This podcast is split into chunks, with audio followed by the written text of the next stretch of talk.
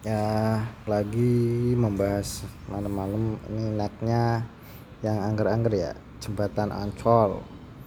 Jembatan Ancol di ibu kota memiliki segudang kisah misteri. Kala itu daerah utara tempatnya di Ancol.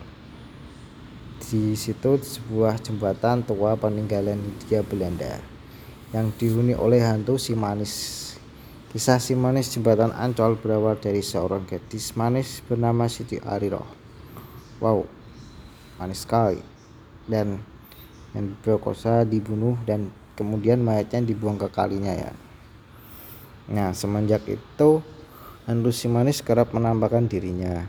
Seperti pengakuan dari seorang penjual kios rokok yang mengaku didatangi oleh seorang gadis si manis itu ya, kemudian menghilang. Legenda ini telah menginspirasi sinetron dan film, ah, sampai dibuat film guys.